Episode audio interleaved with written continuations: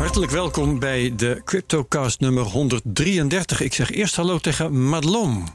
Hoi Herbert. Ja, en uh, scherpe luisteraars die horen het al een beetje. En videokijkers zien het eigenlijk meteen al. Madelon is hier niet. Door omstandigheden nemen we het eventjes uh, op met Madelon aan de Skype. En we proberen haar voor ja. de video ook in het beeld te manoeuvreren. Maar in ieder geval hebben we je eigenlijk wel in verdomd goede kwaliteit audio, Madelon. Nou, dat hoop ik maar. Er staat hier een hele goede microfoon voor me. Dus ik hoop dat het een beetje fatsoenlijk geluid uh, ja. oplevert. Nou, mooi zo. Verder hebben we hier Andy Hendricks. Hartelijk welkom. Dankjewel, Herbert. Jij bent Cardano Community Manager. En we gaan het vandaag hebben over Cardano in de CryptoCast. Dat lijkt me leuk. Ja, dat lijkt mij ook. Goed zo. Uh, dat is dat. We geven geen beleggingsadvies. We zijn op YouTube, CryptoCast NL. Dat weet iedereen langzamerhand al. En oh ja, Madelon. Uh, we oh, gaan ja. nog even mensen um, uh, stimuleren, oproepen om op ons te stemmen voor de Podcast Awards. Dat wil zeggen, dat moet, ik moet de procedure nog even uitleggen. Ja. Um, in dit stadium. Ja. Stel dat ik wil gaan stemmen of dat iemand anders wil gaan stemmen, hoe, hoe werkt dat dan precies? Nou, dat is nu nog te vroeg, want in dit ja. stadium gaat het nog om nomineren. Mhm. Dus je kunt naar podcastawards.nl en daar kun je podcasts nomineren. Uh, ons natuurlijk, maar je kunt zelfs drie van je favoriete pod podcasts nomineren. En dan wordt dat allemaal bij elkaar opgeteld. Dat levert nominaties op in allerlei categorieën. Um, je kunt zelf opgeven in welke categorie wij thuis horen. Maar wij vinden dat we thuis horen in de categorie zakelijk. En dat vindt BNR ook. Vorige jaren zaten we, ten onrechte vonden we zelf in de categorie technologie. Maar we hebben het Mhm. zoveel over geld hier. Wij moeten in de categorie zakelijk. Dus denk daarom. Absoluut. Ja, en dat is eigenlijk het hele eiereten. Op dit moment nog nomineren. We uh, hopen en nemen ook eigenlijk aan, zeg, kom nou toch, dat wij een nominatie krijgen. en als dat gebeurt, dan komen we nog een keer bij iedereen terug om te zeggen: jongens, uh, stem op ons. We zijn genomineerd. Uh, we willen die prijs. Maar dat is nu nog niet aan de orde. Het gaat om nominaties. Wanneer weten wij of wij genomineerd zijn, Herbert? Oh jee, um, volgens mij is er nog, want we beginnen hier eigenlijk een beetje te laat over. Ik heb hier um, in de show notes al een keer iets over neergezet, volgens mij. Um, maar volgens mij kun je nog een week die nominaties indienen. Dat lijkt me trouwens okay. ook meer dan genoeg. Mhm. Mm -hmm. En we horen daar dan binnenkort over. Maar ik weet het tijdschema niet eens precies uit mijn hoofd, moet ik bekennen. Stemmen, ik heb het nu bekeken. Stemmen mag vanaf 23 september tot 16 oktober. En nomineren van 31 augustus tot 18 september. Dus oh, jee, dat is nog twee uh, dagen. tot morgen. Precies, Dan nog gaan we heel snel deze podcast. Ja, maar goed. Um, ik vertrouw erop dat er uh, golf van nominaties over Nederland zal trekken voor ons. En uh, dan zijn we binnen. Yes. Oké, okay. nou dat is deel 1. En uh, nu komen we aan het eerste vaste onderdeel. Madelon, dat is jouw prijsanalyse. Ja, ik ga eventjes de grafiek erbij pakken. Het is nu even iets anders dan anders. Uh, voordat ik naar de grafiek van Bitcoin ga, misschien nog wel leuk om eventjes te benoemen. Of leuk, misschien eigenlijk ook wel heel erg triest. Uh, we hebben het natuurlijk de afgelopen periode best wel vaak over de DeFi-coins en tokens gehad. Ja. En afgelopen week was wel echt het moment waarop die markt ineens fors ineens stortte. Uh, met name de, de, de nieuwe coins en tokens, die zagen we, bijvoorbeeld, waaronder bijvoorbeeld Wifi, Sushi. Sushi Swap zagen we ja, ja, ja, fors op nagevallen. Ja. Precies, ja. En in sommige gevallen zelfs wel min 30 procent. Uh, dus die hele DeFi-markt die kreeg ineens een tik. Maar uh, nog steeds trekt het algehele uh, volume wat er nu in die markt zit, dat trekt wel aan. Dus dat is nog positief te noemen. Mm. Ondanks dat die koersen even kortstondig daalden, gaan we nu weer de goede kant op. Uh, kijkend naar Bitcoin staat Zal ik, er. Mag ik je even in de reden vallen, Madelon? Want ja, misschien ja, even leuk om, om Andy daar commentaar over te vragen. Um, hou jij dit soort dingen, want het treft ook Cardano. Hè? Cardano is natuurlijk ook een, uh, net als Ethereum trouwens, een, een coin slash blockchain, blockchain slash project dat in deze afdeling zit. Dus um, heb jij met zorg naar de koersontwikkelingen gekeken de afgelopen week? Ja, ja natuurlijk niet dagelijks, maar uh, het, het, is wel uh, hetgeen wat mij uh, deze sector ingetrokken heeft ja. om, om daarmee te beginnen. En, uh, Koersen bedoel je? De waarde ja, van ja, coins. Goed, ja, precies. Ja? Het, het, het, handelen met, met de verschillende projecten, dus het, het daytraden. En ja, het blijft mooi om te zien, uh, zeker na deze uh, lange bear market, uh, om uiteindelijk weer hopelijk de, de, de, ja. de, goede kant op te kunnen gaan. Ja, ja. ja. maar wat zeg je dan, hoe, hoe komt de daling van deze week dan bij jou binnen? Ja, goede vraag. Ik denk, als ik dat had geweten, dan had ik hier ook niet gezeten. Nee, nee, nee. Dat nou, Cardano deed, nog, Cardano deed nog relatief oké, okay, Herbert. Die, die daalde afgelopen zeven dagen iets van 5 Dus ja. dat is toch te overzien. Dat is zeker te overzien. Dat is, in crypto-termen is dat eigenlijk helemaal niks. Bijna niks. Ja. Precies, oké, goed. Dus uh, dat is dan dat. Uh, we komen ook nog verder te praten over hoe jij bij Cardano betrokken bent geraakt. Dus dat doen we zo. Madelon, jij was aan Bitcoin toe. Ja, Bitcoin was ik inderdaad aan toe. We hebben een, eh, een nieuw patroon wat zich vormt op de, op de Bitcoin-grafiek. En die, uh, die zien we ontstaan op de 4-uursgrafiek. Uh, we weten natuurlijk allemaal dat die koers eventjes kortstondig terugviel richting vlak onder de 10.000 dollar. En daar is eigenlijk een soort van nieuwe bodem gezet. En we zien daar nu een cup en handle gevormd worden. En dat is een patroon en daar kun je de klap- en flapregel op toepassen. En op basis daarvan kun je een koersdoel berekenen. En dan zouden we als we boven de 11.060 dollar uh, komen, zouden we uitkomen rond de 12.000 uh, dollar. Als we die klappen en flappen uh, toepassen. En daar ligt een hele sterke weerstandslijn. Um, dit is het patroon. al een paar weken, hè, die 12.000 weerstand. Ja. Die 12.000, daar zijn wel 1, 2, 3, 4 keer tegen aangebotst. die is gewoon heel sterk. Um, maar vooralsnog ziet het er redelijk oké okay uit. We zitten nu aan het einde van, van dat cup en handle-patroon. Uh, en die, zou, die, die handle zou niet lager moeten komen dan 10.600 dollar. Um, dus voor Bitcoin op zich positief. Maar ik zit nog steeds met die CME-gap in mijn hoofd. Die nog niet compleet gevuld is. Hij is deels gevuld, maar nog niet compleet. Uh, we hebben het daar eerder over ja. gehad. Hè? Die, die futuresmarkt.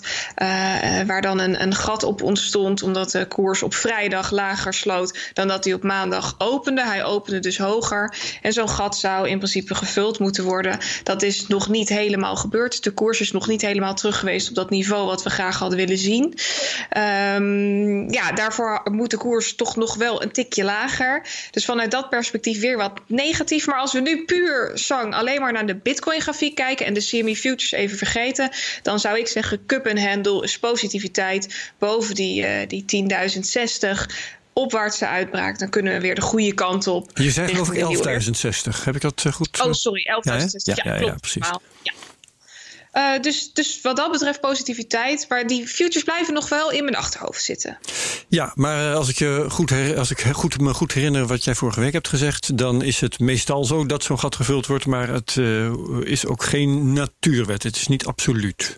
Precies, het is vaak zo, uh, 95% van de gevallen. Het kan best zijn dat we nu in die 5% zitten, dat het niet plaatsvindt. Ja, uh, En hij is wel deels, deels gevuld. Dus uh, ja, vanuit dat zou je nog kunnen zeggen, nou weet je, we nemen het voor lief. Hè? Ja. Um, maar goed, uh, als we puur kijken naar de grafiek van Bitcoin, dan is het nog steeds positiviteit. En kunnen we nog richting die 12.000 dollar als we boven de neklijn uitbreken ja. van die handel. Ja, oké. Dus uh, nou, dan hopen we maar dat, dat de natuurkrachten genoegen nemen met een gedeeltelijk gevuld gat.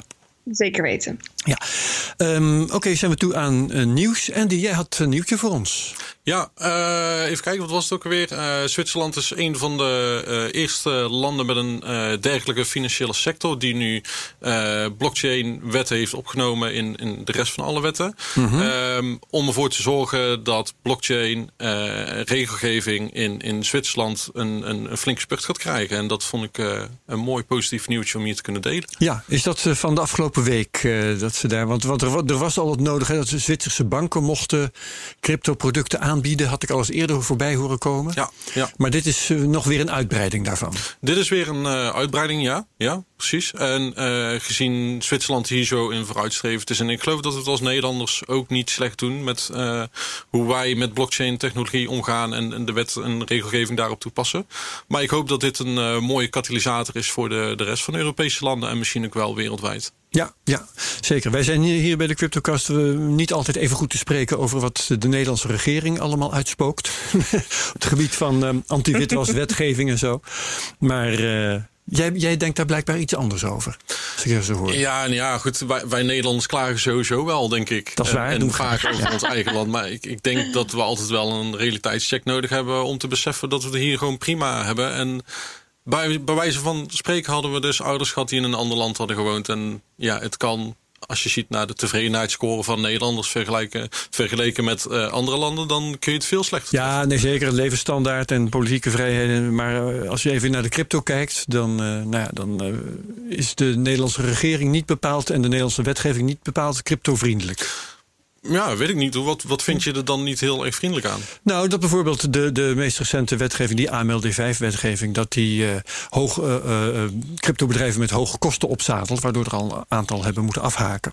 Ja, ja. En, en, met streng toezicht, dat ze dus ook weer zelf moeten betalen. in feite moeten ze aan regelgeving voldoen die meer voor banken bedoeld is dan ja. voor de bescheiden financiële uh, handelingen van cryptobedrijven. Ja, en als klap op de vuurpijl natuurlijk dat de minister van Financiën hier niet helemaal eerlijk over geweest is.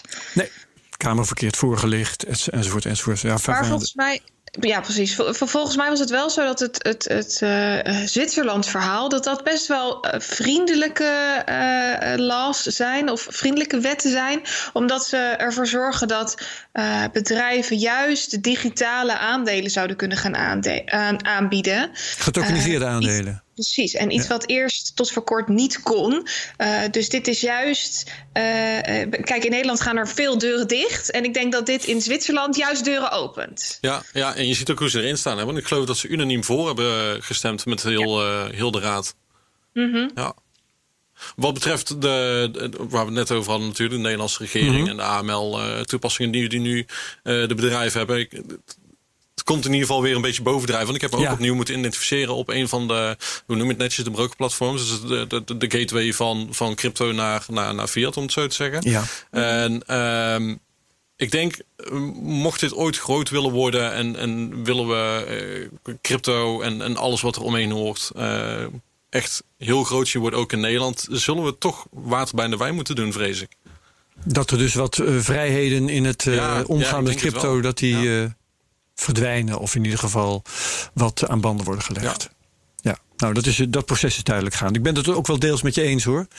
Um, maar zoals wij het proces hebben gevolgd... Uh, in samenwerking met Simon Lelyveld bijvoorbeeld... onze deskundige op de financiële regelgeving... heeft de Nederlandse regering wel wat... Uh, of de Nederlandse wetgever moet je misschien zeggen... wat, wat uh, steken laten vallen. Um, nou ja, zoals Madelon ook zegt, het uh, verkeerd inlichting van de Tweede Kamer. Er ademt een, een, een, negatieve houding uit ten opzichte van crypto. Ja, ja okay. Is ons gevoel daarover. Maar oké. Okay. Madelon, jouw. Ja, over groot worden gesproken. Um, ik heb eigenlijk uh, ja, best wel positief nieuws. Als je het vanuit uh, nou ja, als je, als je het zo in het eerste, eerste gezicht, op het eerste gezicht bekijkt. Kraken komt namelijk met een eigen Bitcoin-bank in Amerika. Uh, de Bitcoin-beurs uh, die richt een eigen bank op in de staat Wyoming. En zoals je weet is nu is in Amerika is het zo dat iedere staat nou ja, eigen regelgeving heeft ten ja, aanzien van de cryptomunten. Ja. ja, precies. En er is wel gepleit hoor uh, om Amerika een uh, voor heel Amerika een licentie af te geven voor de cryptobedrijven. Maar dat is tot op heden nog niet gebeurd. Dus momenteel opereert of gaat de bank die Kraken uh, gaat introduceren, die gaat opereren in de staat Wyoming. En uh, wat hier interessant aan is, is dat uh, ja, Kraken hierdoor natuurlijk een extra stukje dienstverlening aan kan bieden, wat ze tot voor kort niet konden. Um, aan de ene kant is het heel, zie ik het als iets heel positiefs, maar aan de andere kant mm -hmm. zie ik het als iets wat ook heel ja, eigenlijk een beetje zoals wat we nu ook hebben met banken uh, is. Ik zal het eventjes uh, even uiteenzetten. Je kan dus vanaf nu, uh, of, of, vanaf het moment dat die bank live is, kun je daar je dollars stallen, maar je kan daar ook digitale assets stallen. Ja. Dus je kan een bankrekening aanhouden bij kraken, waar je zowel uh, uh, ja, gewoon je, je, dollars neerzet als je bitcoins. En de bedoeling is dat er hierna ook nog andere producten aangeboden worden vanuit kraken, waaronder bijvoorbeeld pensioenrekeningen, uh, derivaten, denk aan een betaalpas. Ja, dus kraken precies. Dus zo zou je het kunnen zien. Dus Kraken is in deze bezig met het, het, het veroveren van terrein. Um, maar aan de andere kant zou je ook kunnen zeggen: ja, is dit eigenlijk wel waar we naartoe willen? Is dit wel de purpose uh, voor crypto? Uh, heel leuk dat ze nu eigenlijk de, banken, de bank overnemen. Ja. Maar was het niet de bedoeling dat die banken uitgeschakeld werden? Dat we juist nou ja, die banken heen zouden? En ik weet dat dat een utopie is. Ja. ja, nou ja, als je, als je het whitepaper van Bitcoin leest, dan is het ja, moet, die, moet het risico van die derde partij die moet er niet meer zijn. Dus het risico dat een bank kan omvallen uh, doordat ze kredieten verschaffen en dergelijke. Nou, Kraken, die, die, die, het ziet er nog niet naar uit dat ze ook krediet willen gaan aanbieden. Uh, maar ze hebben het bijvoorbeeld wel over derivaten. Dat is iets wat ze in de toekomst zouden willen gaan doen. Hierbij kom je toch op een. Ik weet niet. Het, het, het, ik vind het aan de ene kant heel tof dat dit gebeurt. En aan de andere kant denk ik ook weer. Hmm, ik weet niet of dit nou helemaal the way to go was of is. Ja. Maar goed, ik ben benieuwd hoe jullie erin staan. Nou ja, en die eerst maar eventjes. Ja, ik zei het net al. Ik denk als je, als je echt groot wil worden en voor adoptie wil, wil, wil zorgen, zul je toch water bij de wijn moeten doen. Ik denk dat het weer een voorbeeld is. En misschien dat het wel een mooi streven was hoor, om echt die, die middleman en, en die bank te kunnen, te kunnen uitsluiten. Alleen ja, eh, is het realistisch? Ja, ja, precies, dat is de vraag. En dat, dat is ook wat ik wilde gaan zeggen. Want we hebben het hier eerder ook wel over gehad, volgens mij, Madelon. Um, als je uh, bedenkt wat je mensen wilt aanraden om te doen hè, als ze in crypto willen stappen, dan uh, heb ik in elk geval hier wel eens eerder gezegd. Dan zijn er mensen tegen wie je zegt van nou neem een ledger en ga lekker je eigen bitcoins beheren, wees je eigen bank. Ja. En er is de categorie personen waarvan je zegt van joh, uh, ga ook genieten van de voordelen die crypto biedt, maar maak het jezelf niet al te moeilijk en laat je geld staan op misschien niet alles, maar het, een deel op zijn minst wel bij een of andere exchange of wisselkantoor zodat je er gewoon makkelijk mee aan de slag kunt. In plaats van dat je die eigen ledger moet beheren en allerlei kennis moet hebben waar je je misschien later in vergist. Ja, helemaal mee eens. Uh, ja, vanuit dat perspectief kan het voor de ene persoon heel prettig zijn en voor de andere persoon juist niet. Maar de vraag is natuurlijk wel uh, of dit strakjes een verplichting gaat worden. Of je per se bij een cryptobank aangesloten moet zijn als je de cryptomarkt wil betreden. Uh, ja, dat framework moet nog, moet nog gaan sluiten en uh, dat, dat, dat, zal de toekomst uh, leren. Ja, precies. Kijk, zolang dat technisch niet nodig is, zou ik niet weten waarom er een verplichting zou moeten zijn. Maar oké, okay, dat. Mm. Wie weet wat. Maar er zit dan... voor kraken er zit voor Kraken nog iets, uh, nog iets in. Uh, we weten natuurlijk uh, allemaal dat cryptobedrijven het best moeilijk hebben om bij banken aan te kloppen. Voor bijvoorbeeld een bankrekening ja. of voor het verifiëren van ja. transacties. En op het moment dat ze dit intern naar zich toetrekken, kunnen transacties voor klanten veel sneller worden geverifieerd. Nou, dat en dat is voor zijn, hun. ja. Dat, ik Precies, bedoel, dat is voor ja. hun echt heel fijn. Ja, dat uh, wou ik eraan toevoegen. Als de, de cryptobedrijven, in Nederland hebben we er een aantal gesproken, die uh, geen bankrekening kunnen krijgen, als die gewoon naar, uh, ja. naar kraken kunnen stappen of naar een Europees bedrijf misschien dat um, voor bank gaat spelen, ja, dan is dat probleem alvast opgelost. Precies, en nu hebben ze het in-house, dus is het, is het voor hun in ieder geval geen probleem uh, meer. Ja, dat is helder. Wat ik me wel afvraag overigens, wat betekent dat voor de, de mensen in New York? Want in New York zijn ze al staat heel streng met betrekking tot crypto. Ja, Klopt, is in Wyoming, ja. Klopt, dat is inderdaad een, een hele goede opmerking. De, er is ook aangegeven dat uh, ze in New York extra uh, dingen moeten gaan aanvragen. Volgens mij moet er zelfs een fysieke, een fysieke locatie zijn. Uh, dus, en ze zeggen zelf al dat New York een lastig ding wordt. Maar dus met vooruitzicht op het feit dat er landelijke regels aankomen in Amerika, zou dit alleen maar, ja, als ze dit iets langer uitrollen, zou het alsnog goed kunnen komen. Die licentie wordt volgend jaar ergens uitgerold. Um, maar ja, ze gaan het wel proberen in, uh, in New York. De vraag is of, of dat gaat lukken, aangezien ze dus zo streng zijn. Ja. Oké, okay. dan uh, mijn nieuws. Dat gaat niet voor het eerst trouwens over een tweet van Plan B. Uh, die heeft een paar dagen geleden zijn, een, een nieuw stipje op zijn grafiek gezet. -hmm. En zijn tweet, nou, vier regels tekst, um, eindigt met de woorden time to go up. En het interessante vond ik dat, uh, even kijken, welke was het weer? Coin, nee, nee. Um, wat was nou de, moet ik even snel kijken. Cointelegraph was de uh, site die hier een stuk over schreef. En dat ademde de sfeer van, nou ja, het gaat allemaal volgens plan met dat model van Plan B. Crypto Michael werd er ook in geciteerd, die leek dat ook te vinden. En als ik naar die grafiek kijk, zoals Plan B die twittert, dan denk ik van nou, dat, dat staat nog te bezien, jongens. Als uh, Plan B zegt het zelf ook niet in mijn ogen, als je de tekst goed leest. Hij vindt wel dat het tijd is dat het omhoog gaat.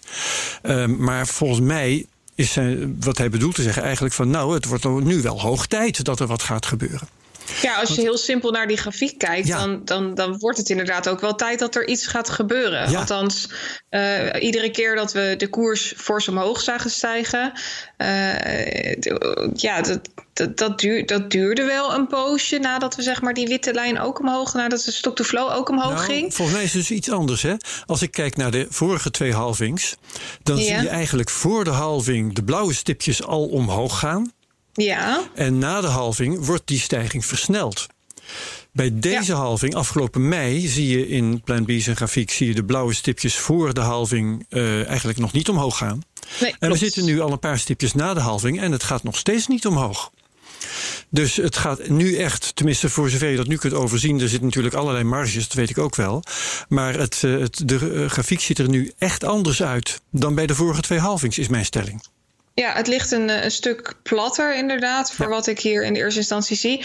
Uh, ja, ja, ja, je hebt wat dat, wat dat betreft gelijk, Herbert. Het is, uh, het is hoog tijd dat we weer omhoog gaan. Ja, en dat vindt natuurlijk iedereen om allerlei redenen. dat snap ja, ik ook wel. um, maar uh, als het gaat om het model van Plan B, dan wordt er wel een heel interessante vraag: wanneer ga je de conclusie trekken? Nou, nog te vroeg hoor, dat vind ik ook.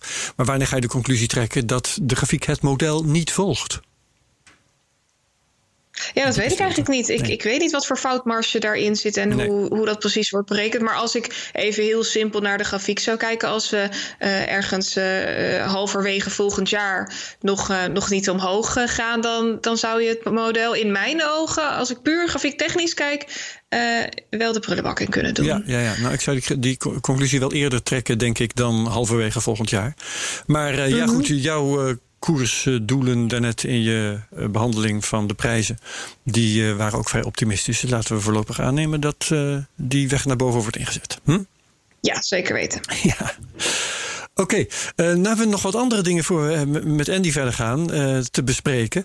Want um, er lagen twee polletjes, een van jou en een van mij, die, waar we -hmm. toch even kort doorheen moeten. Um, heel grappig, oh, je hebt gevraagd aan onze volgers uh, wat, in welke leeftijdsgroep ze vallen. Omdat we wel, wel eens willen weten uh, hoe oud zijn onze luisteraars nou eigenlijk. Maar er kwam meteen kritiek op de poll zelf, was het grappige. Ja. Vertel maar. Ja, ik, uh, Marleen die was vorige week, uh, Marleen Everts van N-Exchange en Gold Republic was vorige week natuurlijk bij ons uh, te gast. En zij zei, we zien een, een aanwas van, van steeds meer jongeren, eigenlijk in de leeftijd van tussen de 18 en de 25 jaar. Dit ging over die de, bij de ons... klanten van goud. Bij Precies, die bij ons goud kopen. En een stukje 50 plus, uh, die altijd al klant geweest zijn. En wij waren eigenlijk op dat moment heel erg benieuwd wat onze luisteraars nou, in welke leeftijdscategorie onze luisteraars zich bevonden. En uh, ik heb dus de, een poll opgesteld. Alleen uh, je kan maar vier, ja, vier, vier keuzemogelijkheden. Ja.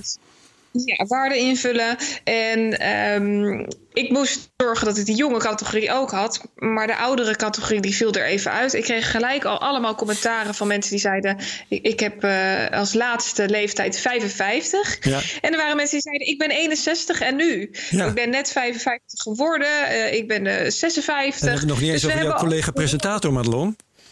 Precies, Herbert. We hebben behoorlijk wat, uh, wat luisteraars. En zelfs Herbert die buiten de categorie valt. Dus bij deze is de poll al niet meer helemaal in, verband. Um, maar even voor jullie beeldvorming. Als we die laatste categorie even buiten beschouwing zouden houden. dan zit die categorie van 15 tot en met 25 heel erg laag. Dat is iets minder dan 10% van de totale luisteraars. En waarschijnlijk dus nog minder, want er zijn ook nog wat uh, luisteraars die ietsje ouder zijn. Uh, en dat is toch best wel opvallend, omdat Marleen zei van nou, we hebben heel veel jongeren die uh, toch ineens uh, goud gaan kopen. De grootste categorie is de leeftijd van 25 tot en met 35. Dat is 37 procent. Dan hebben we een categorie die 33 procent beslaat. Dat is, die zijn 35 tot en met 45. En dan hebben we de overige 20 procent die 45 tot en met 55 zijn. En dan, nou, ik gok een uh, man of 20, 30 misschien van de duizend mensen die gereageerd hebben, Mhm. die eh, zegt 55 plus te zijn. Ja. Zo. Nou, dat is best een mooie verdeling eigenlijk. Behalve dan dat Hele je, dat je mooie de verdeling. jonge mensen, de, de echte jonge mensen onder 25, dat je die eh, wat meer eh, naar je toe zou willen krijgen. Ja, die, dat, dat valt nog, eh, nog een beetje tegen. Ik had wel verwacht dat dat iets, iets hoger zou liggen, Herbert. Eh, want de cryptomarkt toch snel is. En nou ja, eh, het- weet je, eh, ik hoop dat we eh, zorgen dat we nieuwe jonge doelgroepen hiermee aanspreken. Want dat is uiteindelijk toch de toekomst. Ja, maar wat zeker ook leuk is, eh, dat ehm, de categorie 45 plus, dat die goed vertegenwoordigd is. En dat eh, de categorie 55 plus, nou ja, dat eh, is dan Ook goed sowieso klein, maar in elk geval luidruchtig. Ja, ja zeker weten. ja, dat is dus ook uitstekend. Oké, eh, daar verder nog dingen over op te merken? Nee, nee, nee, zeker niet. Mooi zo. Nou ja, eh, mijn eh poll die valt een beetje buiten het crypto-bereik. Maar ik vind het toch wel leuk om over te vertellen. Want die gaat toch, hij gaat over geld. En we zitten uiteindelijk in de categorie zakelijk, nietwaar? Dus ehm, ik had geso- gesodemieter met mijn banken. Dat is knap. Je moet je opnieuw identificeren. Dat heeft ook te maken trouwens met strenge financiële regelgeving. Banken moeten hun Ja. eh, klanten beter kennen. Dus eh, blijkbaar moeten ze allemaal meer inlichtingen inwinnen over hun klanten. Hoewel ik dus van andere banken waar ik zaken mee doe niks heb gehoord. Dus eh, ze hebben toch ook weer allemaal hun eigen interpretatie. En vooral ook hun eigen oplossingen. Want Knap vertelde mij dat ik me moest gaan identificeren via hun app. En daar had ik helemaal geen zin in, want ik wil zo weinig mogelijk apps op mijn smartphone. Nou ja, uiteindelijk toch gedaan. Eh, en dat liep op allerlei manieren vast. Ik heb twee verschillende smartphones geprobeerd. En bij allebei eh, ging het mis.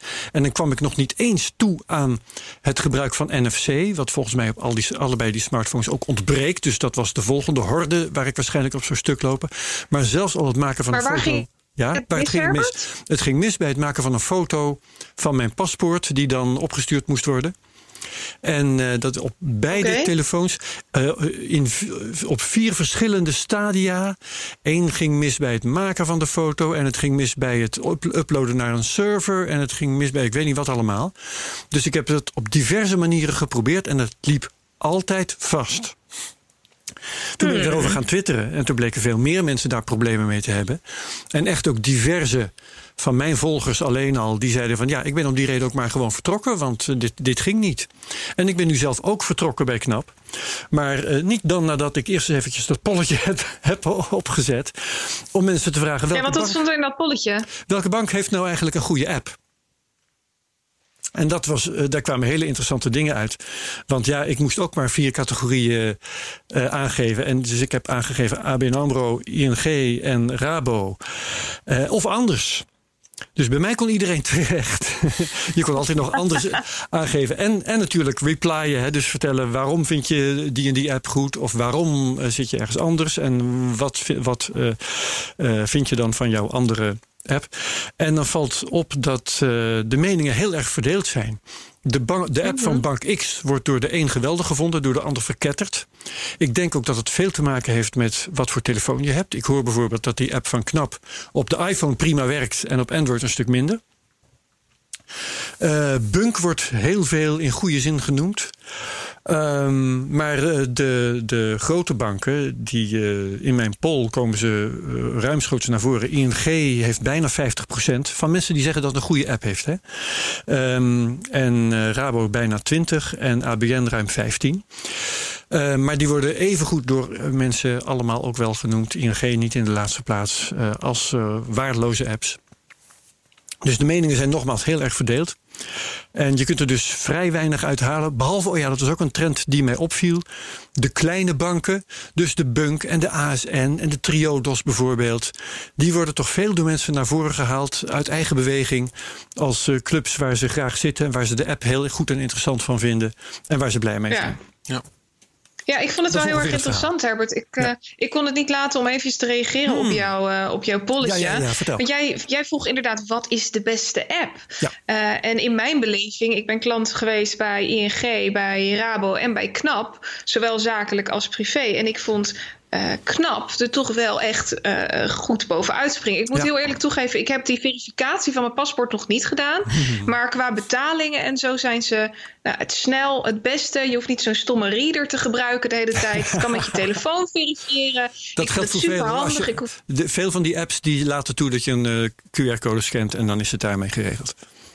Ja, ja, maar vaak tot een bepaald bedrag. En als je zakelijk wat wil overboeken, is het soms fijn als dat met de telefoon geverifieerd kan worden. In plaats van dat je dan die hele reader weer moet gaan zoeken. Ik ben dan zo'n klungel die dat dan weer kwijt is, weet je wel.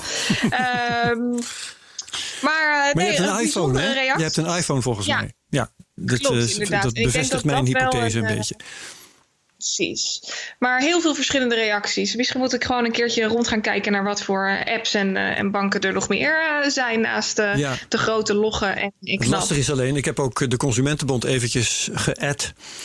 om ze te vragen van jongens, moeten jullie dit niet gaan vergelijken? En die hadden daar een, een, antwoord op. Ben ik echt vergeten wat het antwoord was. Maar volgens mij zijn ze daarmee bezig of zijn ze daarmee bezig geweest. In ieder oh. geval, de reden dat ik dat deed, daarom noem ik het. Dat is, je kunt heel makkelijk een app van bedrijf X of een app van bedrijf Y gaan testen. Maar bij banken is dat wat lastiger, want dan moet je meteen ook echt bij die bank zitten met een rekening en de hele mikmak. Mhm. Dus dat is even wat moeilijker om voor jezelf te testen van wat uh, past eigenlijk het best bij mij. Je moet het eigenlijk al zeker weten voordat je eraan toe komt om die app te downloaden in the first place. Mhm. Oké. Oh ja, en ik moet nog even zeggen, zie ik nu staan, uh, want we, we, waren klaar met de nieuwsrubriek. Wil je meer uh, crypto nieuws horen, dan moet je naar de crypto update. Dat uh, uh, wordt ook routine, routine, hier in dit stadium van de CryptoCast. Uh, we hebben elke week een crypto-update. Die is op woensdagochtend op BNR. En je kunt onder de podcasts van BNR... kun je die crypto-update vinden. Gewoon even naar bnr.nl. de podcast aanklikken en dan zit je zo bij de crypto-update. En dan hoor je mij weer allerlei nieuwe crypto-nieuwtjes... van de afgelopen week op Dissen. Zoals die op BNR op de zender zijn verteld. En ook als podcast beschikbaar zijn. Goed zo. Andy, nou, uh, we zijn een half uur bezig. ja. En uh, we gaan eens even relaxed met jou praten over Cardano. Maar om te beginnen willen we ja. altijd weten... hoe is onze gast voor het eerst in aanraking gekomen met crypto? Vertel je verhaal. Uh, goede vraag. Dat waren twee goede vrienden van me. Uh, die begonnen ineens over magisch internetgeld. Uh, misschien dat ze destijds anders hebben verteld. Ik geloof dat het 2015 was. mijn geheugen is ook niet altijd okay. best meer. Dus, mooi vroeg nog. Ja, mooi vroeg inderdaad. En die waren aan het daytraden met Litecoin op btce.com. Wat destijds toen zo gepumpt werd op Twitter door een Fontas is wat ik wat me nog vaak bijstaat. In ieder geval, ja, zoals ik al aan het begin van de podcast zei, ook ik ben aangetrokken tot deze wereld in eerste instantie door, door het financiële economische aspect. Uh, ja. Later ga je natuurlijk uh, ga je wat meer in de materie en ga je de whitepaper van Bitcoin lezen. Ja, en er staan gewoon heel erg mooie, mooie dingen in. Als jij. Um, ja, ik, ik durf het niet zeker te zeggen, maar ik, ik geloof van mezelf dat ik wel een liberaal gedachtegang heb. En, en openstaan voor vernieuwing, voor de jeugd, voor, voor minder controle, voor uh, power to the people, zoals we ook vaak ja. uh, zeggen. Ja, en dan gaat dat je ook wel boeien. En, en ja, van het een komt het ander. En zo kom je uiteindelijk uh, bij Cardano terecht.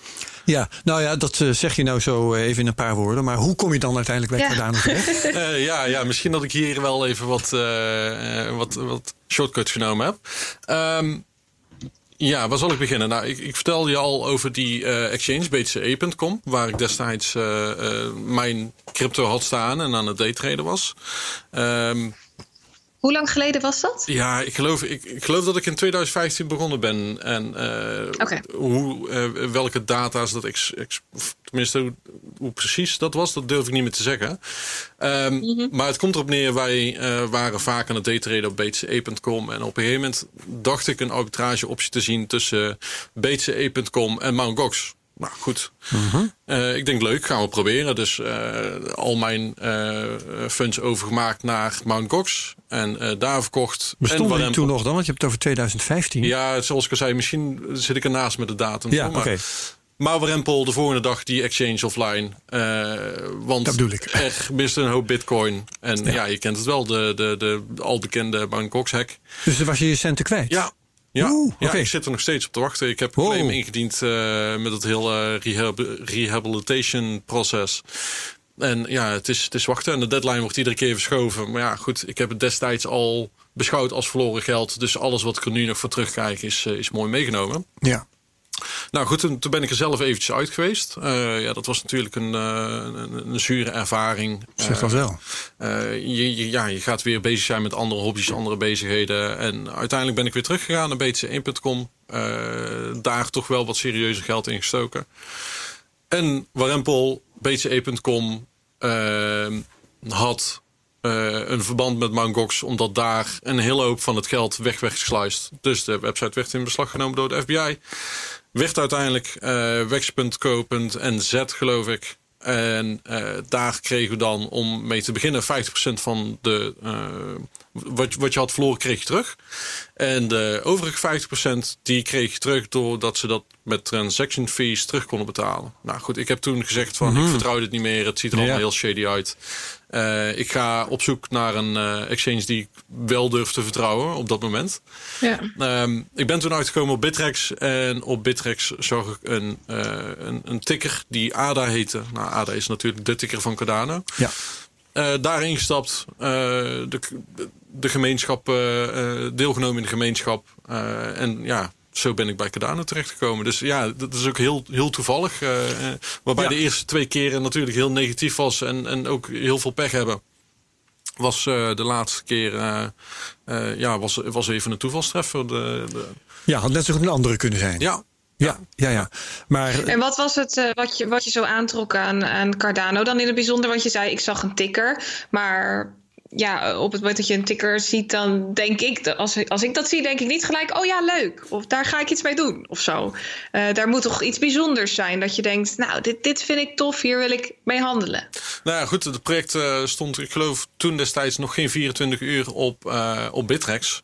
ik heb de whitepaper gelezen, ik heb de bekende whiteboard video van Charles Hoskinson gezien. ook bekeken, ja, wat is nou hetgeen wat je wil veranderen of wat je wil bereiken. Ja. En uh, zo ben ik eigenlijk bijgebleven. Ja, en uh, je, je, was dus sowieso heel vroeg, hè, als ik jou zo hoor, 24 uur op die exchange. En, misschien ook uit daytrading oogpunt, dat, dat je dacht van uh, dit kan alleen maar groeien. Ja. Ja, ja. maar daarna heb je je erin verdiept, mag ik aannemen. En wat, wat, wat zeg je dan nu dat mooi is aan Cardano? Want je hebt nu zelfs een baan bij de club. Ja, ja, wat het mooie is aan Cardano vind ik, uh, en natuurlijk, dit, dit heeft iedereen waarschijnlijk al duizend keer gehoord, maar is dat er wel eerst onderzoek gedaan wordt naar, naar een, stabiele fundering. En uh, dat daar vervolgens op gebouwd wordt. Je ziet het bijvoorbeeld ook met andere projecten. En begrijp het niet verkeerd. Ik bedoel dit absoluut niet om, om projecten af te branden of met modder te slingeren.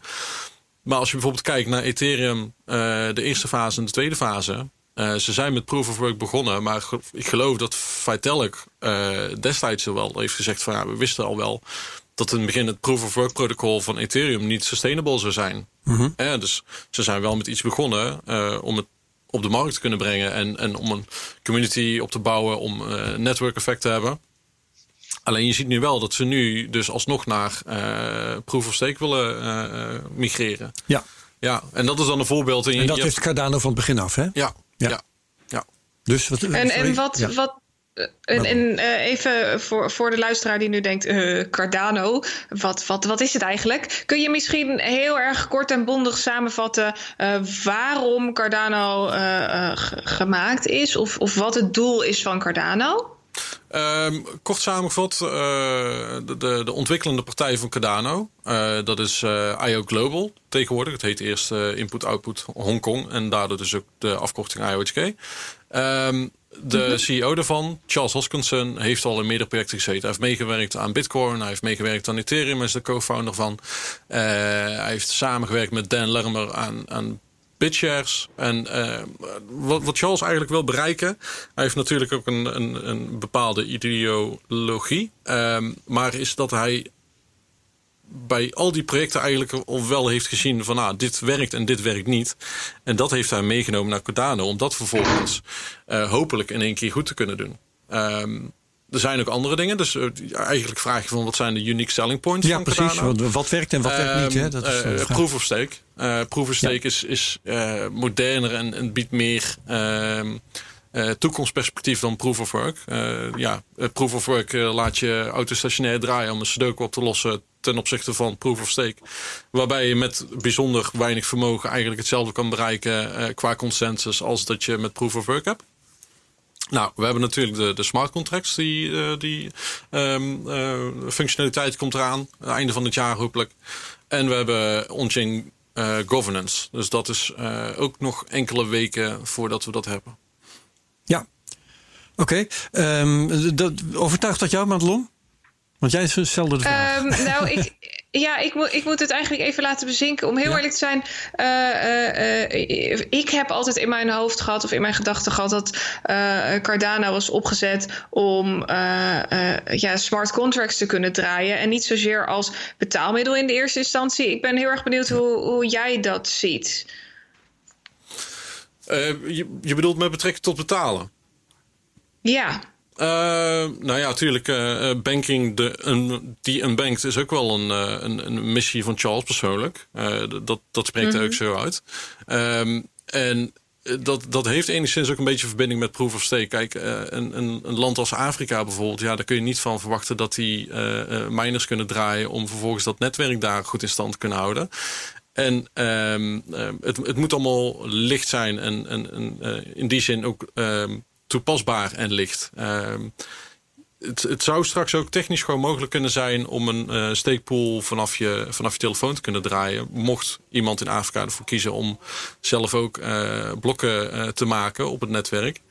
Um, maar betalingen moeten ook gewoon goed te doen zijn. En um, ook als je kijkt naar de, de, de, de, de TPS die we nu halen, dat schommelt ergens tussen de 50 en de 250. Dus dat is voor nu gezien. TPS even, ik ben altijd slecht in afkortingen. Transactions per second. Oké, ja, ja. ja, ja. Uh, even kijken, waar was ik? Uh, gezien het netwerk is dat nog niet echt nodig om op dit moment uh, op te schalen. Uh, ik bedoel, er zijn veel grotere projecten natuurlijk waar veel meer uh, gebruik van wordt gemaakt. Maar ja, we hopen dat um, in de komende weken, zo niet maanden of jaren, veel adoptie gaat plaatsvinden. Ja. Waardoor we dus ja, vooruit kunnen kijken. Want hoeveel transactions per second kan Cardano halen? het schomt tussen de 50 en de 250, afhankelijk van uh, echte praktijksimulatie uh, van ja. waar bevind je je in de wereld en hoe is je verbinding. Want ook, ja. Maar dan gaat Mastercard, Mastercard natuurlijk weer zeggen: wij halen 50.000 of iets dergelijks. Ja. Dus daar kun je dan toch niet tegen. En is. Uh... Madelon. Sorry, uh, is uh, Cardano in jouw ogen een, een, concurrent van Ethereum? Want ik hoorde je net al even Vitalik kort, kort aanhalen. ik heb altijd gedacht, Cardano is, is naast EOS de grootste concurrent van Ether. Zie jij dat ook zo van Ethereum? Nee, nee, in principe niet. Want ik, ik denk niet in concurrenten. Ik, ik, ik, ja, ik zie... Um, we moeten toch uh, makkelijk samen kunnen werken. Ik bedoel, kijk naar, naar andere. Ja, of nou ja, concurrentie. Ik voel meer dat, dat, dat de luisteraar nu duidelijk uh, uh, in, in boxjes kan denken. Hmm. Waar stop je een cryptovaluta? Waar stop je een asset in? in welk boxje past een, een security? en ik probeer nu Cardano iets te positioneren binnen een ja, digitaal betaalmiddel. Of juist meer launching platformachtig. Ik ben benieuwd hoe jij dat, hoe jij dat ziet. Ik zou dan eerder zeggen dat we conculega's zijn. En, en, en ja, uh, we zitten ook in hetzelfde doosje, in hetzelfde hokje. En uh, ja, misschien zijn er mensen die, die uh, voor Ethereum kiezen, misschien voor Cardano, misschien voor allebei. Maar ik, ja, ik denk wel dat we bij elkaar in het vaarwater zitten, ja. Ja, precies. Oké, dus, dus de, dat is de klassificatie. Uh, daar, daar past het het beste bij, zeg maar. Ja. Wat mij Oké, helder. Ja, um, we, we vragen ook altijd op Twitter uh, naar uh, wat, wat hebben mensen voor vragen te stellen. Hè? Nou, er kwam dus het nodige binnen. En wat mij opviel was dat best wel um, verdeeldheid is over uh, in, in, de waardering voor Cardano. Um, ik ga je meteen eventjes recht in je gezicht even zien hoor. Kom op. Ja, hier is bijvoorbeeld waarom heeft het van, van Jorrit komt deze vraag. Waarom heeft het vier jaar geduurd om een POS-chain te maken, proof of stake, eh, die geen enkele smart contract kan gebruiken op dit moment? Hoe komt het dat deze onbruikbare bagger nog in de top 10 van CMC staat? Wat kan Cardano dat geen enkele andere blockchain kan? Is Cardano niet te lang gedateerd? Nou, er zijn een heleboel op vragen, maar dat komen eigenlijk uh, allemaal op hetzelfde neer. Hè? Wat heb je nou te bieden? Ja, wat heb je nou te bieden op dit moment? Uh, op dit moment, ja, goed. Want die smart eerst... contracts, je zei het al, die komen eraan. Ja. ja, bij Ethereum zijn ze al lang en bij Cardano is het al, al jaren een belofte. Ja, ja, klopt. Dat is ook. En dan zal ik eerst graag toe willen lichten wat voor mogelijke redenen dit heeft. En dit ga ik even in het kort doen. Um, zoals ik al zei, wij willen eerst zorgen dat we een, een, een, fundamentele basis hebben. Waarna we pas gaan bouwen. Dus uh, als je kijkt naar de ontwikkeling van het protocol, wordt eerst research gedaan. Die research die gaan ze omzetten in wiskundige formules. Die wiskundige formules die zetten ze om in specificaties. En daar komt de code pas uit. Dat is altijd al de gedachtegang geweest van het project. Ja. Daarnaast uh, hebben we gewoon vertraging opgelopen door een firma die ook code voor ons heeft ontwikkeld. Dat was de, de Byron Codebase destijds. Dat was Serocal.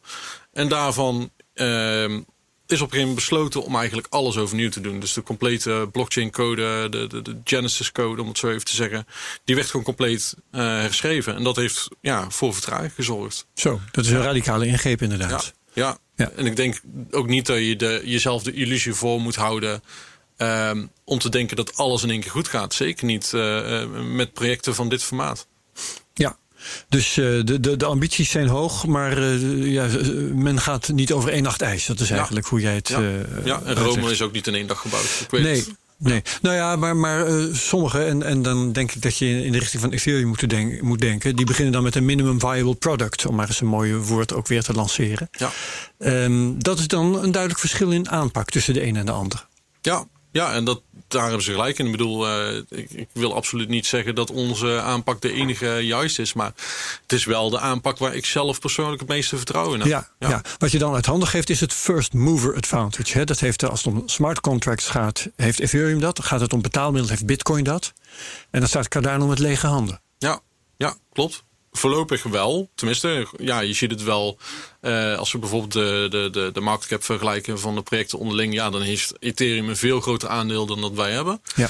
Alleen, uh, goed, jij bent al wat ouder. Sorry als dat... Nee, ja, dat is een uh, feit. Maar jij, jij, jij, herkent misschien de VHS en, en de Betamax discussie ook wel. Ja. Ja, ik wil maar zeggen.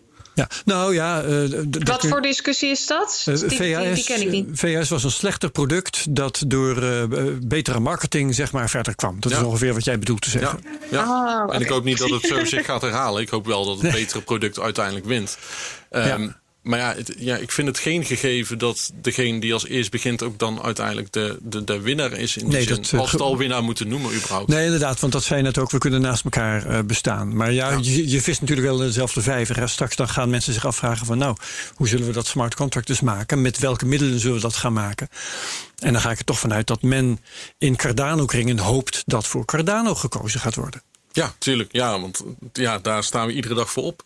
We staan ja. er iedere dag, iedere dag op om, uh, ja, goed, in mijn geval dan de mensen te helpen en, en dergelijke als community manager, maar ook om uh, het project uh, op te zien bloeien en, en uh, dat marktaandeel te zien winnen. Ja, is, is Cardano. Wat, wat is het? Ja, sorry, oh, sorry. Madelon, ga je gang. Uh, ik was heel even benieuwd wat, wat jij precies doet bij uh, uh, Cardano. Want je zegt, daar staan wij iedere dag voor op. Dat maakt me wel heel erg nieuwsgierig.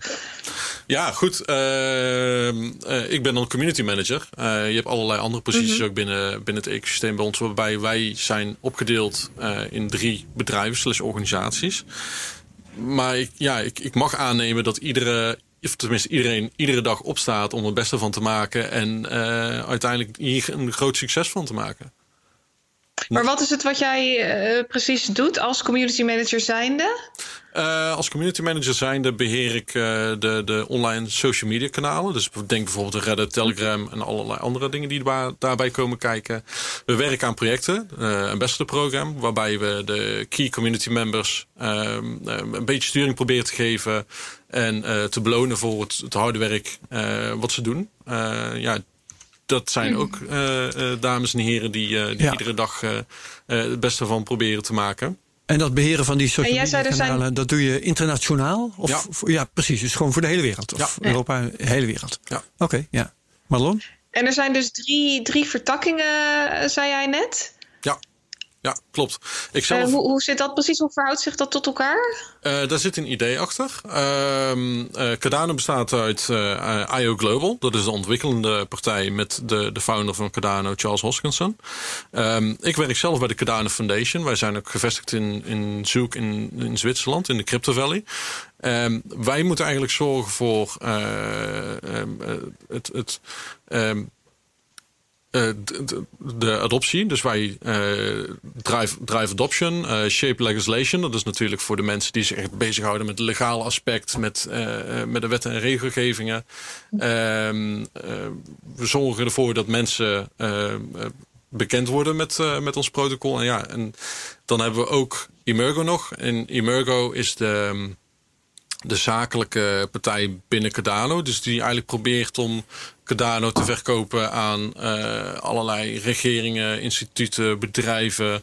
ehm, ja, met een for-profit eh, oogmerk. Dat, dat, daar, daar wou ik naartoe, want eh, dat lijkt me heel Ja. interessant. Bitcoin is eh, van niemand en eh, je, je kunt eh, meedoen aan de gemeenschap of niet. En het, eh, ook als niemand zich daar actief mee bezighoudt, dan vindt het zijn weg wel. Hè? Dat, dat heeft een eigen momentum.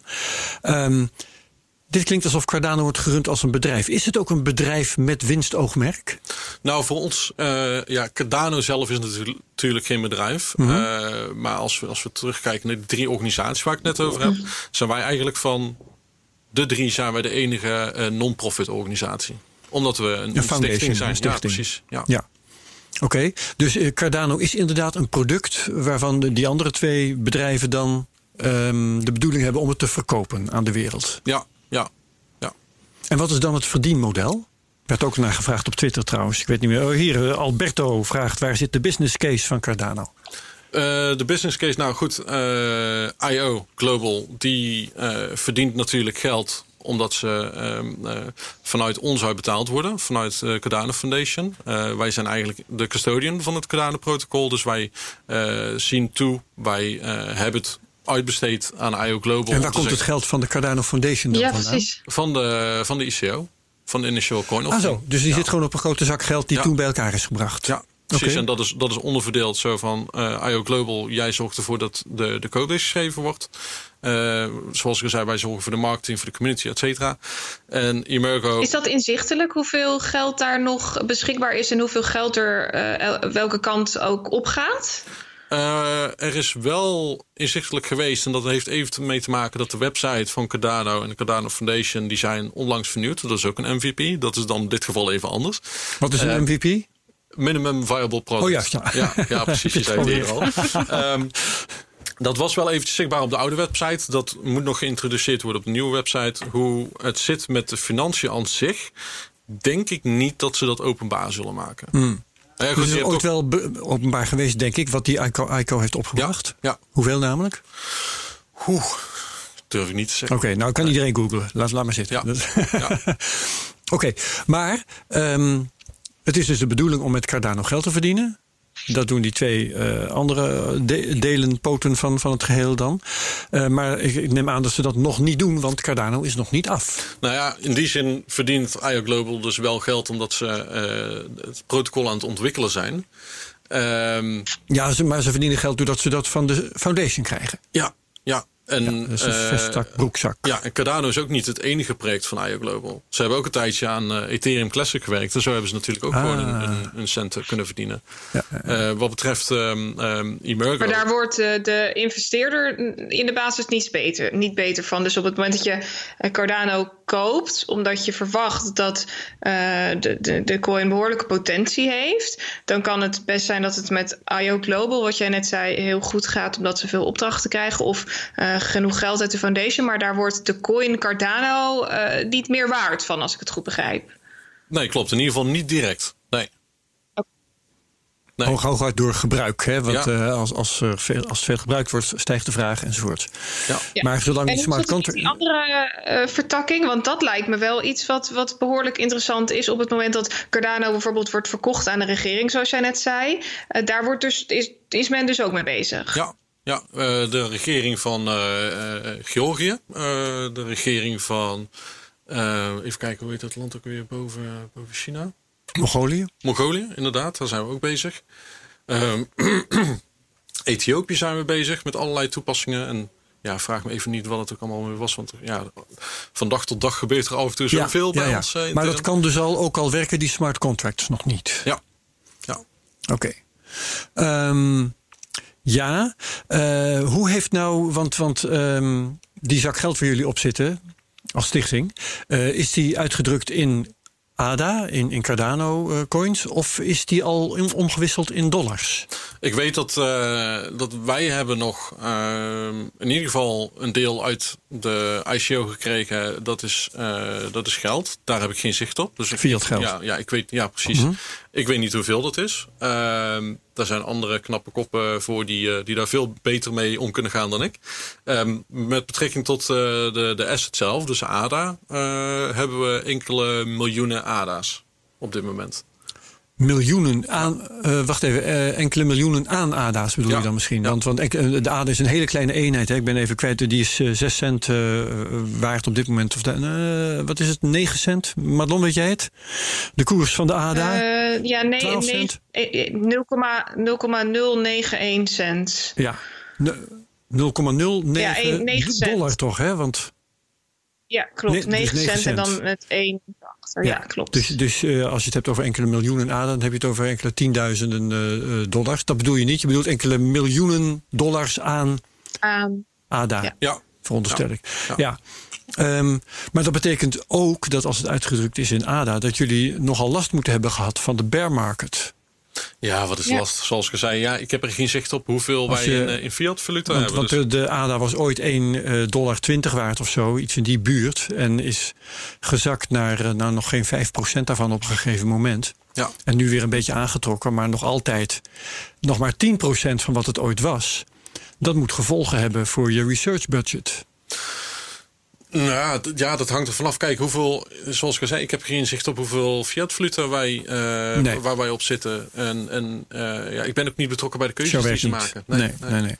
Oké, goed. Ehm, dan gaan we naar andere dingen kijken. Ehm, even ik, kijken. vind het toch, ik vind het toch wel belangrijk hoor, Ja, Herbert. Want op het maar. moment dat. dat eh, we hebben dit natuurlijk vaker gezien met, met de ICO's. Op het moment dat je een, een, een coin hebt, in dit geval dus ADA, die tot 1, eh 1,10 ongeveer gestegen is in dollars. En die nu alweer ietsje hoger is dan wat hij lag. Maar hij heeft op, op 2 cent gestaan.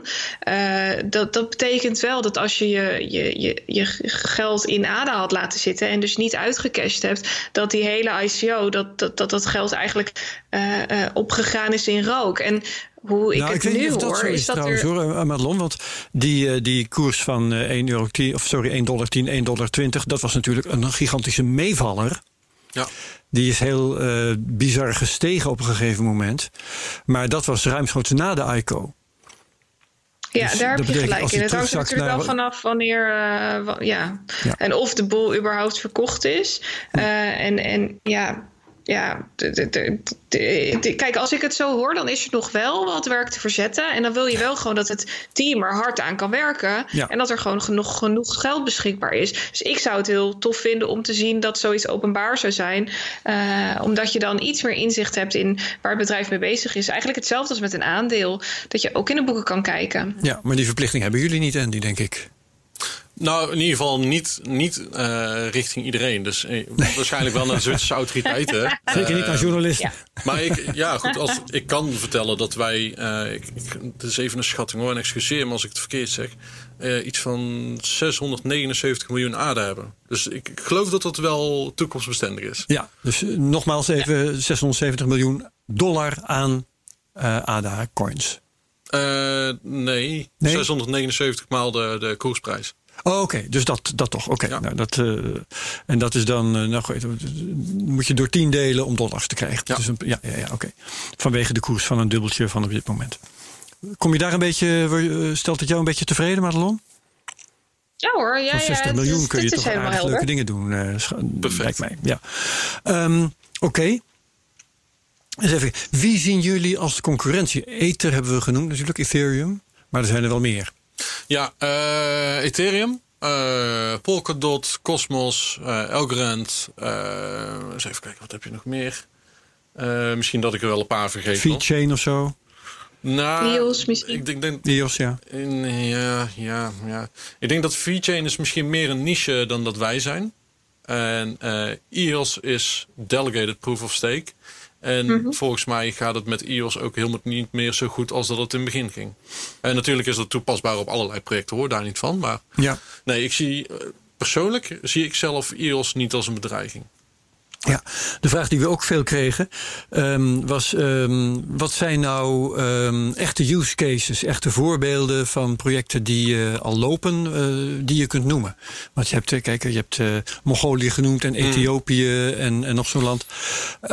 Maar wat is nou een voorbeeld in de praktijk waar, waar Cardano gebruikt wordt?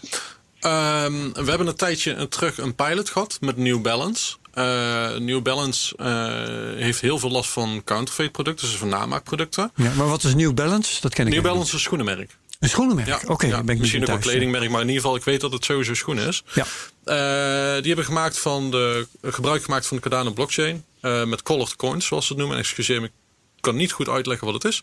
Ehm, maar uiteindelijk kwam het erop neer dat je met een app die gebruik maakte van de Cardano blockchain, eh, verifiëren of dat je schoenen eh, legitieme producten waren of dat het namaak was. Oké, ja. Ja, dat is dan bijvoorbeeld een voorbeeld. Eh, Dat is een soort ding dat je ook wel in verband met Bitcoin hoort. Hè? Dat soort echtheidsverificatie. ja, Ja, als Ja. blockchain project. Ja, en wat voor toepassingen hebben we nog meer? Ja, goed. dit zijn nog niet echt toepassingen die we op dit moment hebben. Maar we willen natuurlijk traceability, authentication, land ownership. Eh, wat kunnen we allemaal nog meer doen? Ehm, even kijken. eh, DeFi producten. Eh, die zullen straks ook ongetwijfeld komen. En ik ben met name benieuwd naar eh, decentralized, eh, of nou ja, DEXen. Ehm, dus ja, hoe dat allemaal eh, eruit gaat zien in de toekomst. Ja, het is, Ja. het is- Want, want als je die Maar hoe kan dat Ja, dan? Hoe kan dat dan, een, een DeFi-product op een. eh, eh, eh, i- nou ja, als ik het zo hoor, is het niet compleet decentraal. Of althans, er zitten, ja, spelen toch bepaalde belangen. Ehm, eh, hoe, hoe werkt dat dan als je daar een DeFi-product op los zou laten? Hoe bedoel je precies? Nou, is, eh, is, is, eh, de, de eerste vraag moet dan zijn, denk ik, is Cardano nou eigenlijk decentraal of een cent- gecentraliseerde blockchain? Hoe zit dat? een beetje van beide op dit Een moment. beetje van beide. Ja, ja we hebben. Dan zeggen de hardliners is niet decentraal. Dat kan niet. Nou ja, eh, het zit zo. We hebben een tijdje terug hebben we een, eh, een hardfork gehad. En niet een hardfork die zorgt voor een, een maar gewoon echt een ja. continuous. Een up- eh, upgrade. Ja, ja. Ehm, En daarbij, eh, in eerste instantie waren wij eh, gecentraliseerd, federated. Dus er stonden een x aantal nodes bij IOHK, een x aantal nodes bij Cardano Foundation en een x aantal nodes bij Emergo. Ja. Ehm, met die hardfork zijn we eigenlijk een, een tijdperk ingegaan waarbij wij geleidelijk gedecentrali- gedecentraliseerder worden. Ach zo. Dat heeft met een bepaalde D-parameter te maken. En die D staat uiteraard voor decentralisatie. En hoe lager die parameter gaat, die, ging van 1, die gaat uiteindelijk naar 0, waarbij 1 centraal is. Hè, dus, dus federated model. En 0 gedecentraliseerd. En je hebt daartussen heb je bijvoorbeeld ook 0.7. En dat wil dan zeggen dat 70% van de blocks gemaakt worden door de nodes van IO. Eh, bij 0.5 is dat bijvoorbeeld eh, nog maar de helft. En zo gaan we uiteindelijk richting decentralisatie. Zo doen we dat in stapjes. Ja, Geleidelijk. ja, ja. ja. Oké, dat, is een- dat is een interessant proces. Ehm, maar dan, dan is de vraag dus... eh, kan, kan Cardano op die manier ook inderdaad echt decentralized finance producten gaan leveren? Ja. Het antwoord is ja. Ja, uiteindelijk wel. Als, als, als we straks smart contracts hebben. En Die zijn dan vereist natuurlijk. ja, en we hebben straks eh, de, de, de, de 0D-parameter, om het zo te zeggen. Waarbij dus eigenlijk eh, alle bloks gemaakt worden door, door de stakepools die we hebben. En dat zijn er nu, ik geloof, rond de 1100 of zo. Eh, dan kunnen we die, die DeFi-producten aanbieden. Ja, en als je dus eh, ehm, aan dat eh, steken mee wil doen, dus de kwestie, dan, dan is eh, het plan eh, dat je moet volgen Cardano kopen en je coins steken en dan doe je mee. Ja, Ja, oké. Ehm, wat is dan het, het tijdschema zoals dat er nu uitziet? Wanneer bereik je dat cijfer nul dat inhoudt dat je echt gedecentraliseerd bent? Goede vraag. Ehm, ik geloof ergens dit najaar of begin van komend jaar. Dat we Dat is al snel. Ja, ja, ja goed. eh, Er Ja. zijn meerdere eh, mogelijkheden natuurlijk. Je kan in één keer zeggen van klap, we gaan van gecentraliseerd naar gedecentraliseerd. En je kan zeggen, we doen het geleidelijk om te kijken hoe het netwerk uh, erop reageert. En ja, dat refereert misschien ook een beetje terug naar onze aanpak van dat, dat we alles goed willen doen, dat we onderzoek willen doen en dat we gewoon de dingen niet willen overhaasten. Ja. En wat is de reden geweest om gecentraliseerd te beginnen? Ja, in die zin begin je altijd gecentraliseerd. Je kan niet vanaf het moment Nee, Satoshi begon ook met één miner. Ja, dat was hij zelf. Ja, precies. Ja, goed, het, protocol was nog in ontwikkeling op het moment uh, dat we live gingen met ons mainnet. Dus we hadden toen nog niet die functionaliteit om proof of stake aan te bieden op een gedecentraliseerde manier. Ja. Ja, nou ja, dat vraagt hier uh, iemand ook nog. Uh, even kijken hoor. Uh, heb ik de goede. Oh, hier, Robert die vraagt: De adoptie van smart contracts op deze chains is nog erg laag. Wat gaat Cardano hier aan doen als het gaat om de adoptie? Um, is er een verband tussen de adoptie van Cardano en het of, al of niet gecentraliseerd zijn? Weet je wel, denk ik. Ja, ik denk het wel. Ik denk het wel. Zoals ik al zei, ja, goed, wil je echt je, je smart contracts aan gaan bieden, dan, zullen, dan heb je wat meer andere afhankelijkheden, zoals de, de, de D-parameter. En um, het, het, protocol moet er ook klaar voor zijn, natuurlijk. Ja. Um, maar ja, het is, het is ja, wel mooi om naar uit te kijken. Ja. Um, Go Gwen is een woord. Jullie hebben allemaal, allemaal mooie namen. Shelly, Go Gwen. Noem daar eens een paar van en verklaar ze eens. Uh, Shelly uh, is een. Uh, een oud-wiskundige dame. Een upgrade die eruit aan zit te komen. Ja, hè? maar het, het, refereert allemaal naar ja. dingen. dus, dus Shelly is een uit geschiedenis een, een wiskundige dame. Okay. Uh, dan heb je Goguen, dat is een uh, bekende professor. Excuus, ik ken ze ook allemaal niet uit mijn hoofd. Nee, en je hebt Basho en Voltaire. Oké, okay, maar het gaat me even om uh, wat, wat betekenen die dingen in jullie wereld? Oh, tuurlijk. Shelly ja. is decentralisatie op Proof of Stake Network. Oké. Okay. Goguen smart contracts. Uh, Basho is, eens even kijken, dat was scalability. En Voltaire, dat is on-chain governance. Oké, okay, en dat zijn allemaal dingen die, waar, waar nog aan gewerkt wordt. Ja, ja. ja. maar waarbij een paar, paar dingen al best wel uh, dichtbij ontstaan. In de zin van, uh, het duurt niet lang meer. Ja. Um, wanneer is Cardano af?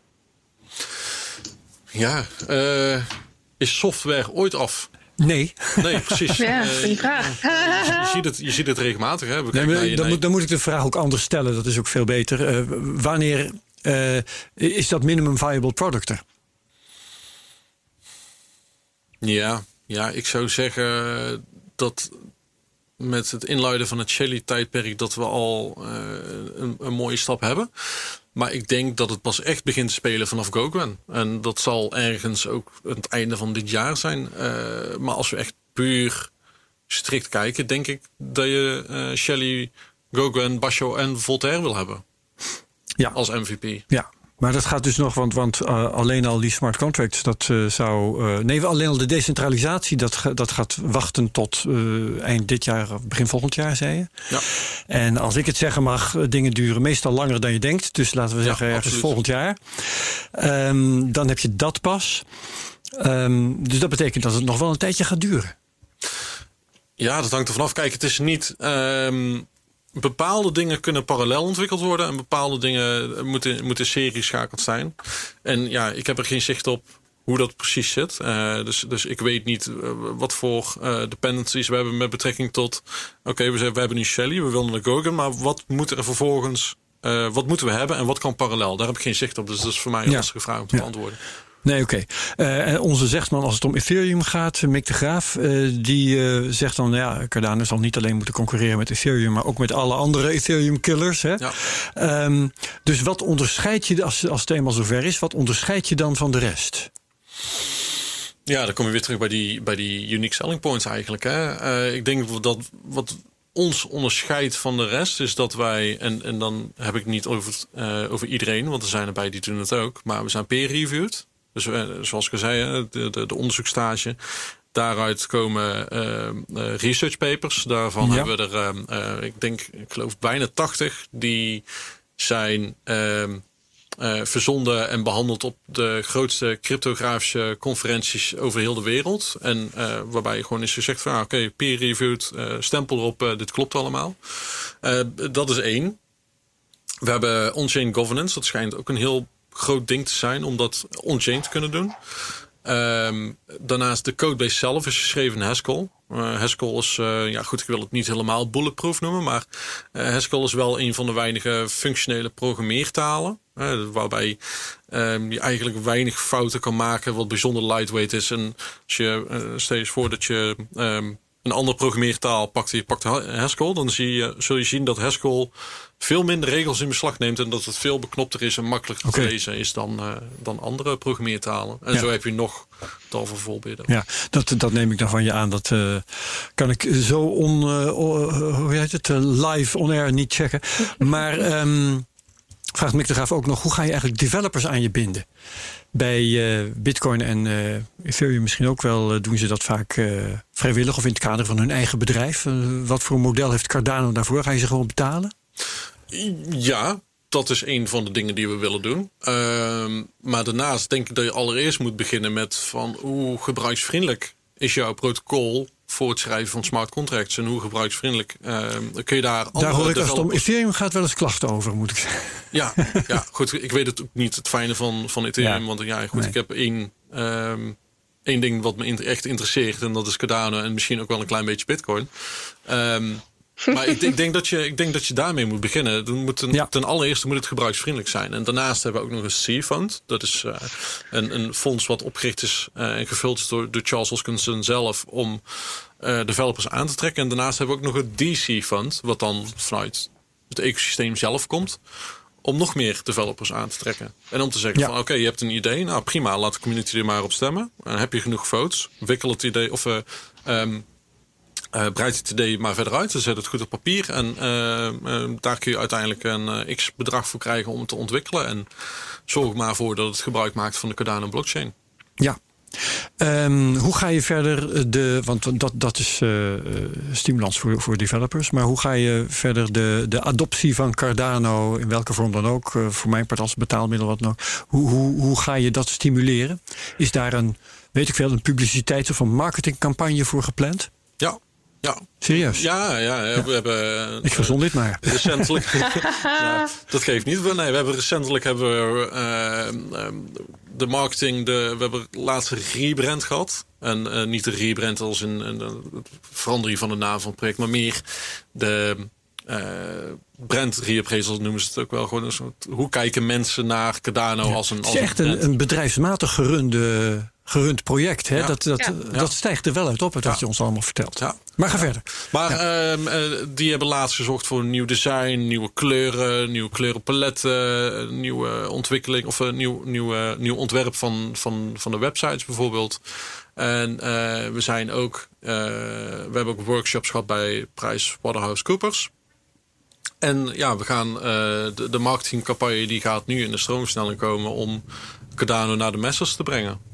Ja. Dus zo wil, dat, dat zijn dan maar even een paar dingen om voor meer adoptie te zorgen. En wat gaan we daar dan van merken? Weet ik veel. YouTube-video's, um, stunts, ja, virale uh, geintjes? Um, ik durf niet te zeggen. Ik ben niet bij Flyers. Ja, Flyers, ja. Misschien wel, misschien, wel, uh, uh, misschien wel reclame op uh, die, die reclameschermen bij, bij voetbalwedstrijden of zo. Ik, ik weet het niet. Ik noem maar nee, iets op. Nee, oké. Okay. Ja. Nou, dan zijn we op het punt gekomen volgens mij dat we moeten zeggen... dat gaan we dan maar eens afwachten.